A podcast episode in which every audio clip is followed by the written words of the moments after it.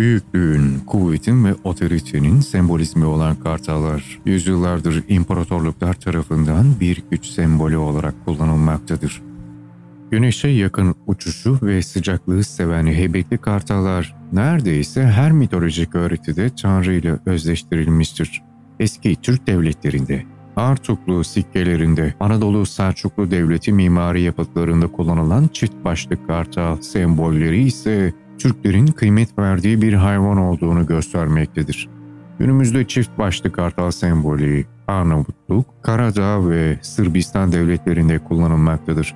Güneşin gücünü ve sıcaklığını benimseyen sembolü ateşin çevresinde yarattıkları ayinlerde kullanılan şamanlar için bu hayvanlar oldukça kutsal bir yere sahiptir.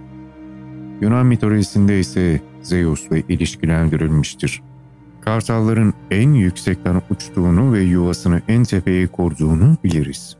Tek eşli olmasıyla bilinen kartallar bu yönüyle sadakatin birer sembolü haline gelmiştir. Göklerin hakimi olan bu kuş türünün çok hızlı uçtuğunu ve manevralarının keskin olduğu bilinmektedir. Acımasız ve koca gözleri etrafı kolayca ve 300 dereceye kadar görme yetenekleriyle harika birer avcı yapar.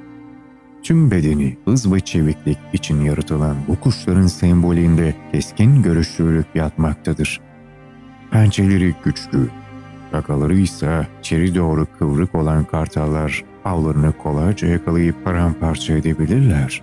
Kendinden oldukça büyük avlarını bile kolaylıkla yakalayabilen bu hayvanlar sembolik olarak gücü de temsil edecektir. Doğanın yenilmez yırtıcılarından biri olan kartallar birer simur veya zümrüdü anka gibidirler. Doğdukları yuvada ilk andan itibaren kardeşleriyle hayatta kalma savaşı veren yavrular en güçsüzleri ailenin kurduğu yuvadan atmaya çalışır. Böylece hayatta kalan son yavruya kadar savaş devam eder.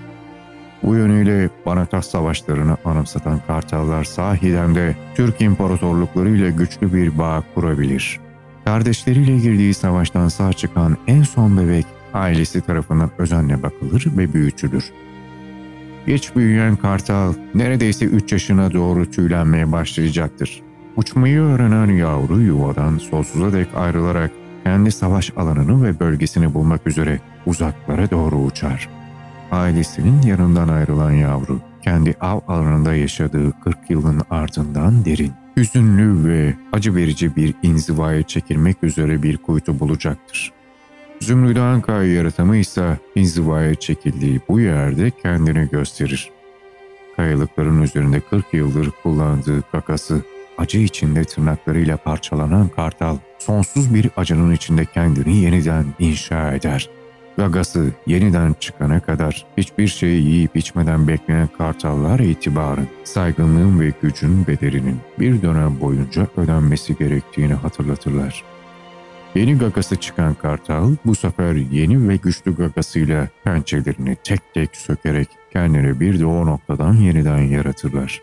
İnziva süreci acılar, ve yeni yaratımlar için büyüyen ve gelişen kartal, acının getirdiği yepyeni bir olgunluk, yepyeni bir bilgelikle ayrılır. Ömürlerini bu şekilde ortalama 70 ile 110 yıl arası uzatan kartallar, eğer inzivaya çekilmezlerse avlanma sıralarındaki gücünü kaybeder. Böylece avını diğer kartallara kaptırarak itibarının sarsılmasına neden olur. Bu müthiş yırtıcı bizleri yeri geldiğinde gücümüzden ve sarsılmaz iktidarımızdan feragat etmemiz gerektiğini gösterir.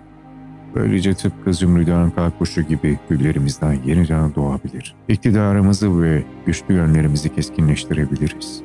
Yaşanmışlıkların ve savaşların izini taşıyan kavukları yenilenmiş, bilgeliği baki kalır. Kartal sembolü bizleri bu ifadeleri hatırlatacaktır.